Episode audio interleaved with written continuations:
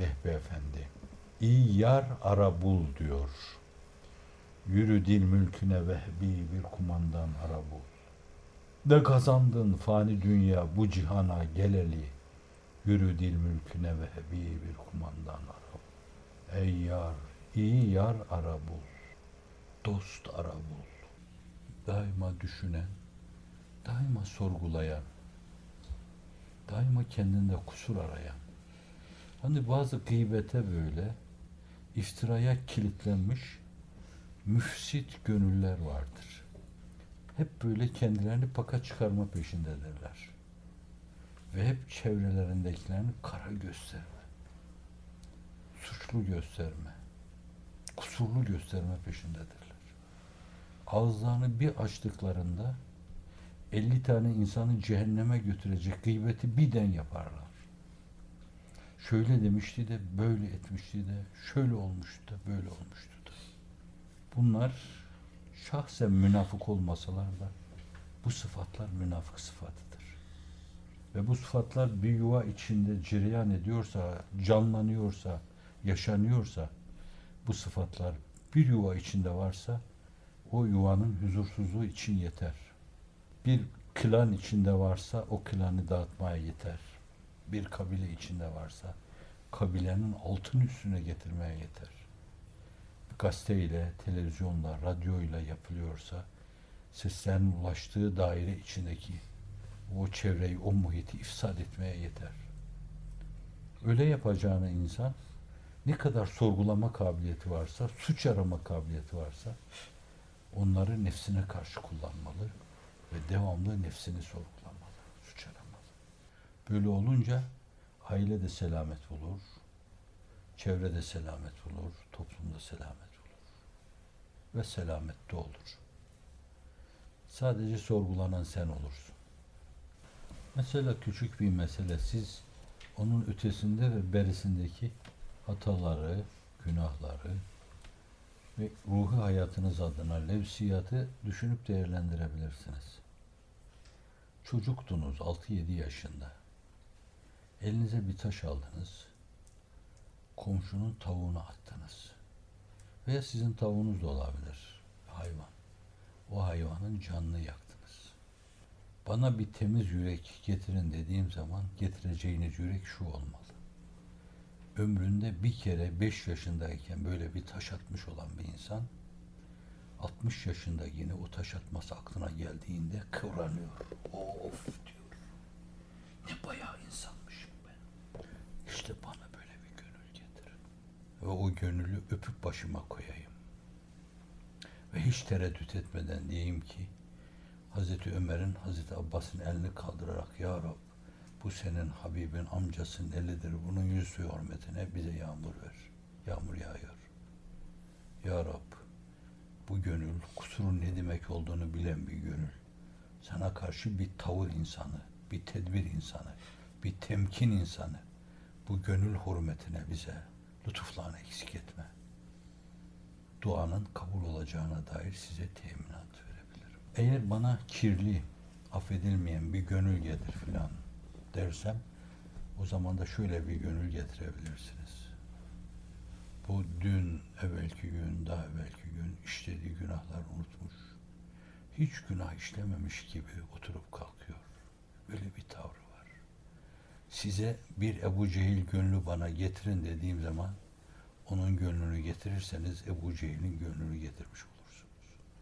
Hatalarının ezikliğini yaşamayan, günahlarını unutan, masiyetlerine karşı lakayt davranan. Allah silebilir onu. Senin silmeye hakkın yok. Allah affedebilir. Senin kendini affetmeye hakkın yok. Allah setredebilir. Senin setretmeye hakkın yok. Sen iki dakika evvel onu işlemiş gibi, 60 sene evvelki günahını iki dakika evvel işlemiş gibi için bulanıyorsa yüreğin var demektir. Ümidinizi kırmış olmayayım. Tavır belirleme üzerinde duruyoruz. Günahlara karşı, Allah'a karşı, nefsimize karşı. Muhterem efendim, dünyevi ve uhrevi bir beklentiye girmeden dinimize ve milletimize hizmet edebilmemiz için bize gerekli olan aşk heyecanı kazandıracak dinamik nedir ya da nelerdir? Tek kelime ile ihlas Allah'a karşı samimi olmaktır. Zaten öyle bir duruşun manası da ihlas demektir. İnsanlar Cenab-ı Hakk'a yönelirken bir şey isterken değil. Cenab-ı Hakk'a yönelirken yenilerin ifadesiyle hulusu öz yüreklilik şeklinde ifade ediyorlar. Yani yürekte bile o işin özü neyse onu duyma. Yüreği işin özüne bağlama demektir. Halisane davranma sözü anlaşılmaz gibi değil zaten anlaşılıyor. Bu arada isteyeceğin şeyi de Allah'tan istersin ama yani Allah'a yönelirken, teveccüh ederken Allah'a Allah olduğu için teveccüh edecek, Allah olduğu için yöneleceksin. Yoksa sadece bazı matlafların, bazı isteklerin olduğu zaman ona yöneliyorsan bu yakışıksız bir dilencilik olur. Şimdi Cenab-ı Hakk'a teveccühünü sürekli böyle istemeye bağlayan insanlar haşa ve kella Allah'ı borçlu görme, borçlu çıkarma gibi bir tavır sergiliyorlar orada. Onu dünyadaki insanlar yerine koyuyorlar demektir. Yoksa biz her zaman istediğimizi ondan isteriz. Sahabi felsefesi çok arz etmişimdir. Yani ayağınızın bağını bile kaybettiğiniz zaman ondan istersiniz. Ama Allah Allah'tır. Siz ona teveccüh edeceksiniz. Bu onun hakkıdır. Ve sizin de vazifenizdir ona teveccüh etmek. Sorumluluğunuzdur. Mükellefiyetinizdir. Ona yöneleceksiniz. Belki o yönelmenin sonunda çaresizliğiniz yani ya Rabbi biz aciziz, fakiriz. Cennete ihtiyacımız var, ebediyete de ihtiyacımız var. Sen vermezsen bunları elde edemeyiz yani. Dergahını el açmışken ben bunları da senden istiyorum diyebilirsiniz. Utanarak, icap ederek. Ama temelde benim isteğim yalnız sensin demek. Şimdi işte bu beklentisizliktir yani Allah'a karşı. Dünyevi, uhrevi beklentisizlik mülahazası. Sadece Allah'tan Allah'ı beklemek, Allah'ın teveccühünü beklemek. Yani hel min mezit derken Allah'ım imanu billah adına arttır beni, marifet adına arttır. Aynı zamanda seni iyi duyma, iyi bilme, iyi zevk etme, iyi anlama, iyi tanıma ve icraatını iyi yorumlama, ufkuna beni ulaştır gibi arttırılması gerekli olan hususlarda bir arttırma talebinde bulunabilirsin. İşte o helmin mezit yolcusunun usulüdür diyelim. Üslubu demek belki daha uygun. Ama işte ben sana kulluk yapıyorum. Beni cennetine koy böyle. İşte orada ebedi saadetle mutlu kıl bana. Şöyle köşkler ver, böyle villalar ver filan veya dünyada evladı iyal ver, çoluk çocuk ver, ev ver, bark ver, böyle bir dünyayı huzur ver. Bu türlü şeyler gönlünü halisane Allah'a bağlamış bir seviyeli bir gönül sahibi bir insanın himmetini âli tutması Allah'tan Allah'ı istemesi lazım. Bu beklentisiz Allah talebidir. Esas olan odur. Böyle halisane teveccüh eden insanları onlar bazı şeyleri bizzat istemeseler bile Allah kapısından boş çevirmez. Lütfeder. Fakat onlar istenmesi gerekli olan şeyi istediklerinden dolayı Cenab-ı Hak onu da verir onlara. Ondan mahrum etmez yani. İhlasa terettüp eden şey nedir? Hususi teveccühtür Cenab-ı Hakk'ın. Hususi iltifatıdır, hususi nazarıdır. Onu lütfeder. Öbürleri o mevzuda verilen ülufeler gibi şeylerdir. Önemsiz şeylerdir. Allah onları da lütfeder. Onun için bu meslekte esasen yani Hz. Bediüzzaman'ın yolunda insanlar Allah'tan Allah istemeliler. Onun rızasını istemeliler. Sorumluluklarını o emrettiği için yapmalılar. Ve böyle neticeleri nazar itibarı almamalılar. Sadece hoşnutluğun demeliler. Öbür tarafta Cenab-ı Hak mükafatlandırır onları. Fani bir surette o büyük taleplerini bu dünyada yiyip bitirmemeliler. Veya faniyatu zailata taleplerini bağlamamalılar çünkü o zaman Cenab-ı Hakk'ın teveccühüyle, iltifatıyla genişçe lütfedeceği şeyleri kendi arzuları, istekleri, ufukları, ihataları itibariyle daraltmış olurlar. Sen desen ki Allah'ım bana küre arz genişliğinde bir cennet ver. İçinde de bir milyon ırmak olsun. Bir milyon çoluk çocuk olsun orada. Meleklerle her gün görüşeyim ben. Çıkıp cuma yamaçlarında gezeyim filan dese sen yine daraltmış olursun meseleyi. Meseleyi Cenab-ı Hakk'ın vermesine bırakırsan onun büyüklüğü ölçüsünde, rahmetinin enginliği ölçüsünde olur. Öyleyse öyle bir genişlik lütfedilmesi söz konusu ise sen niye onu kendi dar ihatanla daraltıyorsun? Dar idrakinle, dar tasvirinle, dar talebinle daraltıyorsun. Cenab-ı Hak orada sana dese ki sen böyle küçük bir şey istemiştin ben de onu sana veriyorum yani. Benden her ellerini kaldırışında ne istedin? Bir hayat arkadaşı istedin. İki tane çocuk istedin. Bir tane de evim olsun dedin. Şöyle bir emekliliğim olsun dedin. Himmetini böyle dun tuttun. Çok basit şeyler. Çocuklar gibi benden bilye istedin. Ben de bilye veriyorum sana. Al oyunu onlarla der. Ama öyle değil meseleyi. Allah'ım ben senden seni istiyorum yani. Benden hoşnut ol. Başka talebim olamaz. Ama benim ne ihtiyacım varsa yine sen biliyorsun ki ben onları da senden isterim yalnız deyip sadece onu istemeye kalırsan onun rahmetinin enginliği ululuğuna mütenasip şekilde sana engin lütufları olur ki sana dünyanı da unutturur, ukbanı da unutturur. Öyleyse dünyevi dar beklentiler ister maddi olsun ister manevi olsun bunları kullanarak insan Cenab-ı Hakk'ın engin iltifatını ve teveccühünü daraltmamalı. Ama sen bazen de böyle dar küçük şeyler istersin. O der ki sen yanlış istedin ben sana genişçe bir şey veriyorum. Onun bileceği şeydir. Rahmetinden ümit ederiz ama fakat unutmamak lazım. Vermeler biraz da talep dilekçesinde belirttiğiniz çerçeveye bağlıdır.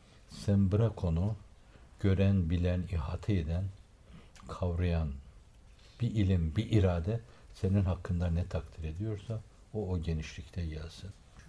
Öyleyse duada, istekte ve talepte de onun ortaya koyduğu, ister Kur'an'la, ister sahih sünnetiyle ortaya koyduğu üslup neyse, orada usul neyse, o kelimeler nelerse, talebin keyfiyeti neyse, bence onları birer esas alarak meseleyi onlara bağlı götürmek lazım. İsabet ondadır, genişlik ondadır. Kur'an-ı Kerim'de dualarda Allahümme kullanmaz. Bir veya iki yerde sadece kafirlerin başlarına istersen başımıza bela getir deme yerinde kullanılır. Bu tabir Allahümme tabiri. Çünkü o celali bir tecellinin esasıdır. O vahidi bir tecellinin esasıdır. Lafzı celale havale edilmez o mesele. Ama Rab kelimesinde esas ahadi bir tecelli vardır ve aynı zamanda cemali bir tecelli vardır. Yani sadece benim değil, cin, ins hepimizin var eden, terbiye eden, bir kemal yoluna getiren, bir kemal vetiresinden geçiren, değişik şeyler vaat eden, vaat ettiklerini yine kendi terbiye sistemiyle gerçekleştiren, senin Rab ismine sığınarak diyorum demektir. Şimdi siz bunu ifade edemezsiniz. Bu espriyi ortaya koyamazsınız. Onun için Kur'an-ı Kerim'den alacaksınız, iktibas edeceksiniz. Rabbena atina ver bize diyorsun. Fid dünya hasene. Dünyada bize güzellik. Sen neye güzel diyorsan senin emrettiklerin güzeldir. Senin güzel gördüklerin güzeldir. Senin güzellik adına verdiklerin güzeldir. Çünkü sen güzelsin. Güzele peyrev olan elbet güzeldir. Güzele peyrev olanı o güzel naz ile cinana atar. Dolayısıyla sen bize işte o güzelliğinden gelen güzelliklerden ihsan eyle. Şimdi bunu diyemezsiniz ki siz. O diyor yani. Yaratan bilir. Fil dünya hasene ve fil ahirete haseneten.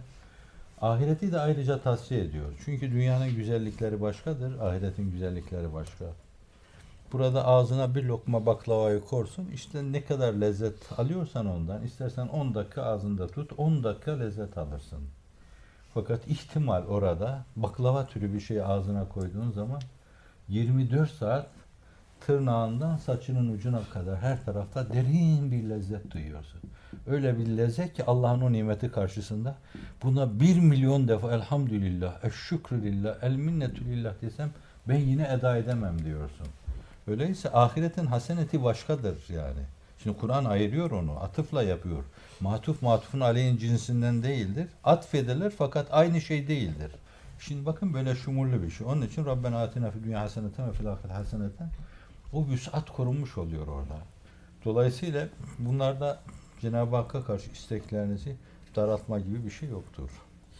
Böyle derseniz Sa'd ibn Ubade'nin oğlu gibi öyle cennet, köşk, yamaçta olsun, azıcık böyle derenin kenarında olsun, denize nazır olsun, ağaçların içinde olsun filan gibi gereksiz laflara ihtiyaç kalmaz. Çünkü Cenab-ı Hakk'ın bilgisini havale ederek meseleyi rahmetinin engilliği için bir şey istiyorsunuz demektir. Efendimiz sallallahu aleyhi ve sellem duada Allahümme ba'id beyni ve beyne hatayaya kema ba'atte beynel meşrik vel mağrib Allahümme nakkini minel hataya kema yunakka thevbül ebyed minel denes ve asilni bil ma'i ve thelci vel beret buyuruyor. Yani Allah'ım hatalarımla benim aramı mağrib meşrik arası bu esas iki kutup demektir yani. Mağrib de sonsuz, meşrik de sonsuz. İki kutp arasındaki enginlik ölçüsünde genişlet diyor. Aç diyor. Öyle ki yani ben o hatanın şu alarını neyse karanlık şeylerini bile görmeyeyim diyor. Ben kendi kendime dedim ki hata deniyor burada. Herhalde ben şöyle desem daha iyi olacak bunu. Allahümme ba'id beyni ve beyne hatayaya vel maasi vel mesavi ve ma la tuhibbu ve la tarda desem yani.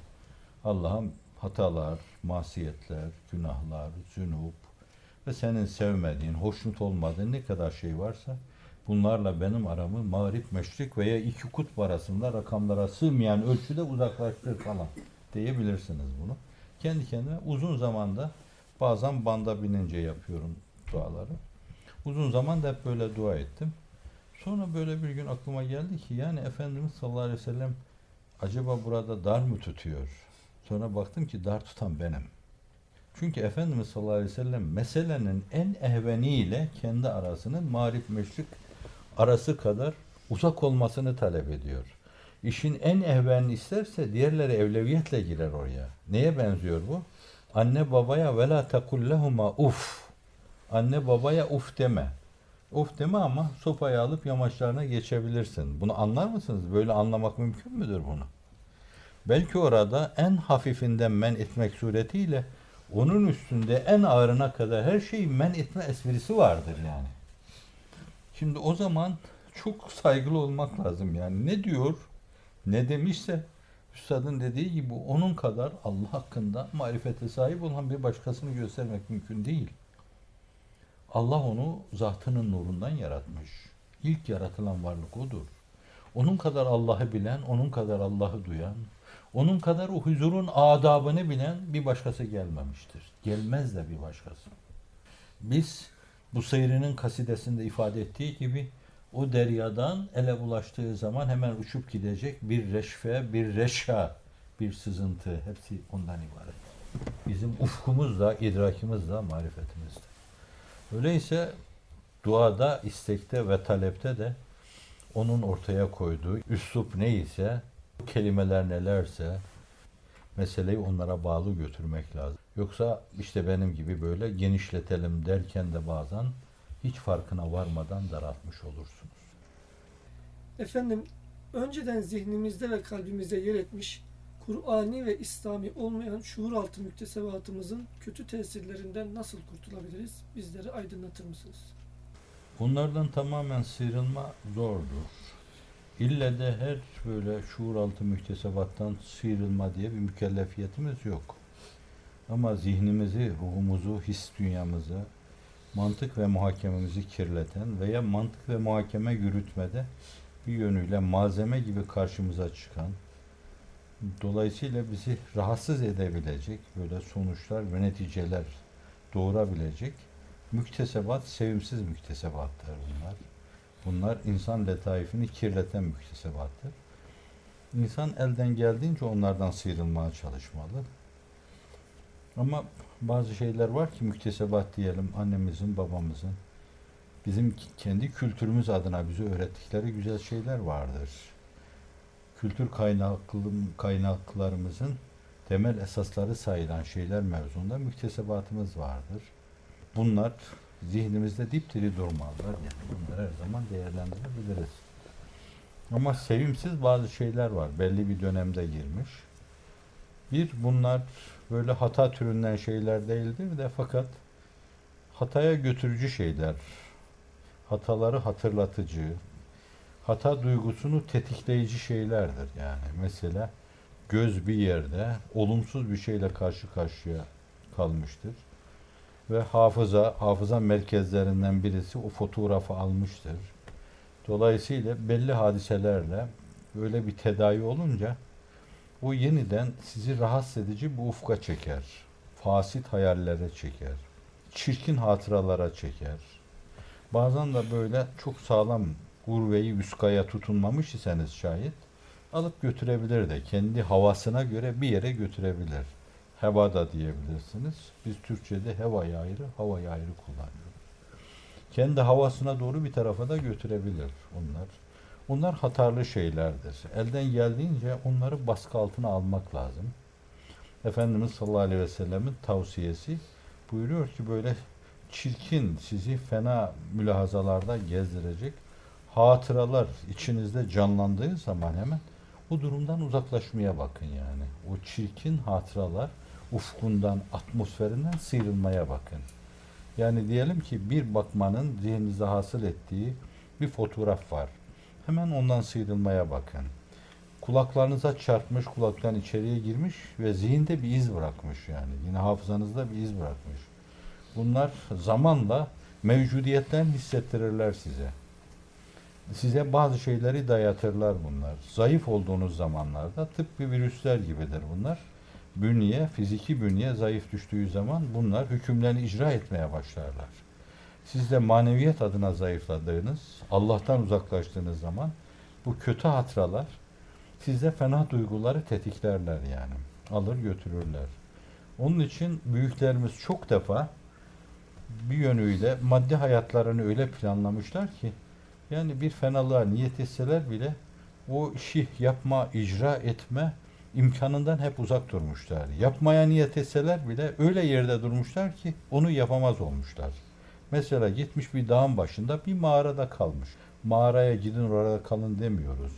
Celvetin yerine halveti tavsiye ediyoruz. Fakat orada samimi bir düşünce var. Elden geldiğince Cenab-ı Hak'la alakalı ona müteveccih duygularımızı, düşüncelerimizi sürekli bilemek, saykıllamak, parlaklaştırmak demektir.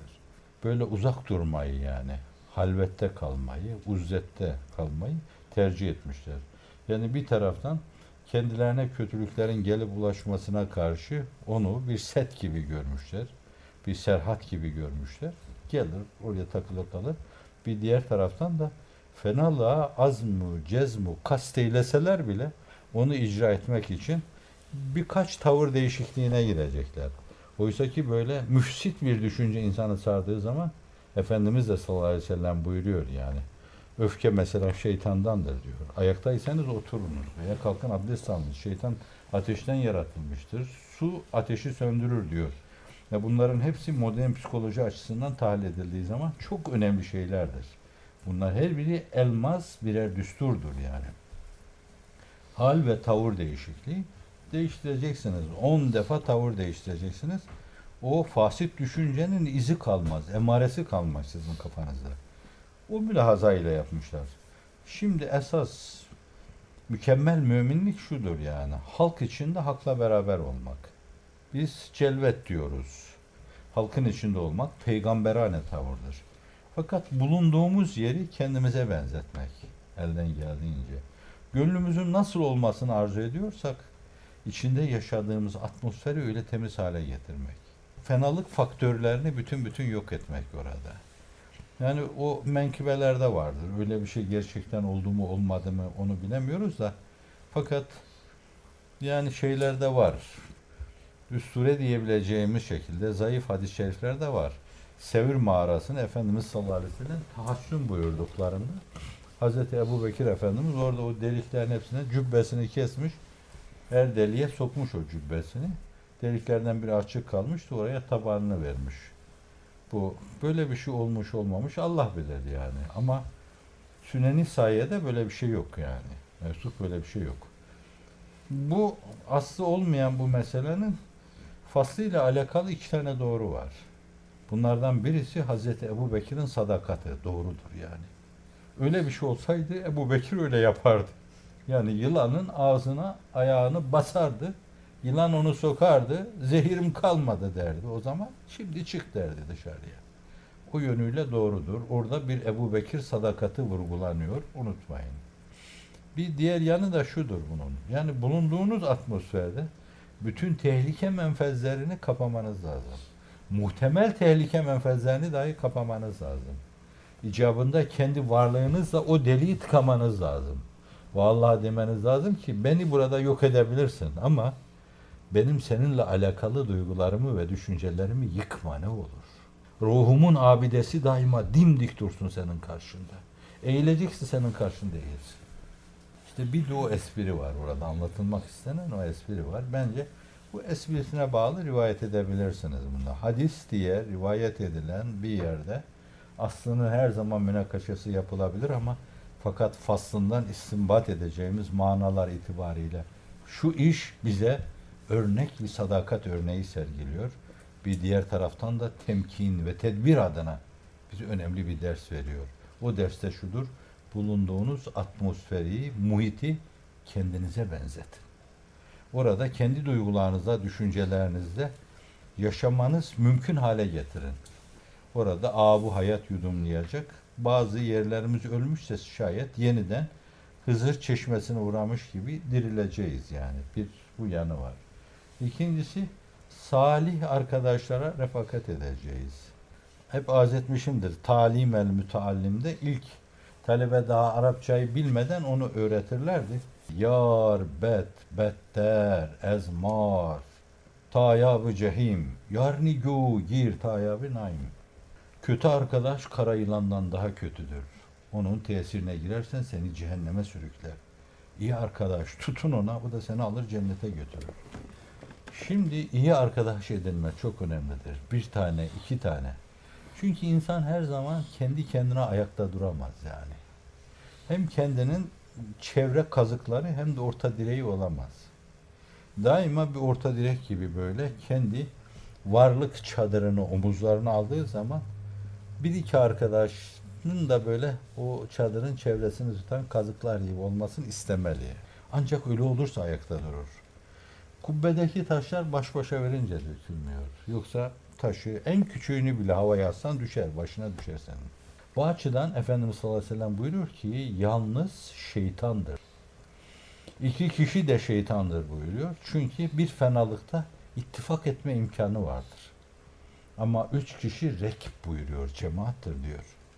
Eğer bize böyle bir atmosfer tavsiye ediyorsa atmosferinizi bu hale getirin. Bu atmosferi kendinize benzetme, ortamı kendinize benzetme demektir. O zaman bize düşen şey ya öyle bir uzdet, halvet veya böyle bir arkadaşla böyle bir ortamı paylaşma onlarla beraber.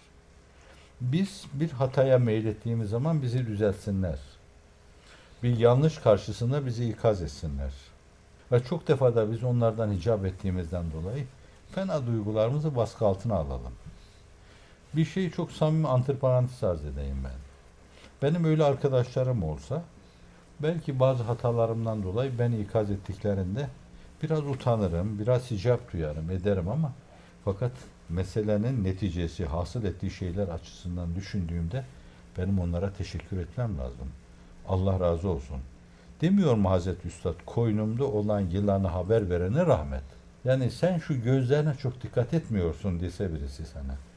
Sen kulaklarına çok dikkat etmiyorsun dese birisi. Belki böyle iniş aşağı giden bir arabanın fren yemesi gibi bir aile sarsılırız yani. Bir sağ sol yaparız orada. Fakat önemli değil bu yani.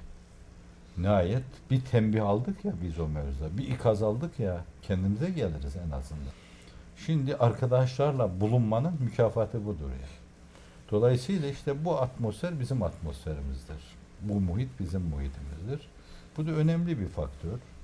Bir diğer mesele bize ait düşünceler ve mülazalarla oturup kalkmak hep yani okumak, düşünmek ve oturup kalkıp her zaman Cenab-ı Hak'tan siyanet, inayet, kilaet, vekalet, hıfz, riayet istemek lazım. Allah'ım bizi koru, bizi muhafaza et. Bizi gör ve gözet. Sensiz edemeyiz. Tut elimden tut ki edemem sensiz. İtiraf etmek lazım bunu. Yani bir dakika elimden tutmasam ben mahvolur giderim. Ya hayy ya kayyum Efendimiz demiyor mu? Bir rahmetke estağid. Aslih li şani kullehu ve la tekinli ila nefsi tarfet ayin. Ey hayy kayyum senden yardım istiyorum. Beni nefsimle göz açıp kapayıncaya kadar baş başa bırakma diyor. Nefsimle göz açıp kapayıncaya kadar baş başa bırakma. Allah'tan çok dua etme. Ne Allah'a böyle dua ile teveccüh edenler sarsılmışlardır, düşmüşlerdir, yolda kalmışlardır. Ne sağlam refik edinenler. Bunların hiçbiri Allah'ın izniyle zayi olmamışlardır. Laubali arkadaşlarla, gülüp çağırıp, eğlenip, oynayan arkadaşlarla arkadaşlıklarını sürdüren insanlar bugün olmasa yarın değişik eğriliklere girmeleri kaçınılmazdır. Günahlara girmeleri kaçınılmazdır. Gafletle yaşamaları kaçınılmazdır. Allah'tan uzaklaşmaları kaçınılmazdır. Öyleyse siz iyi yar arayın.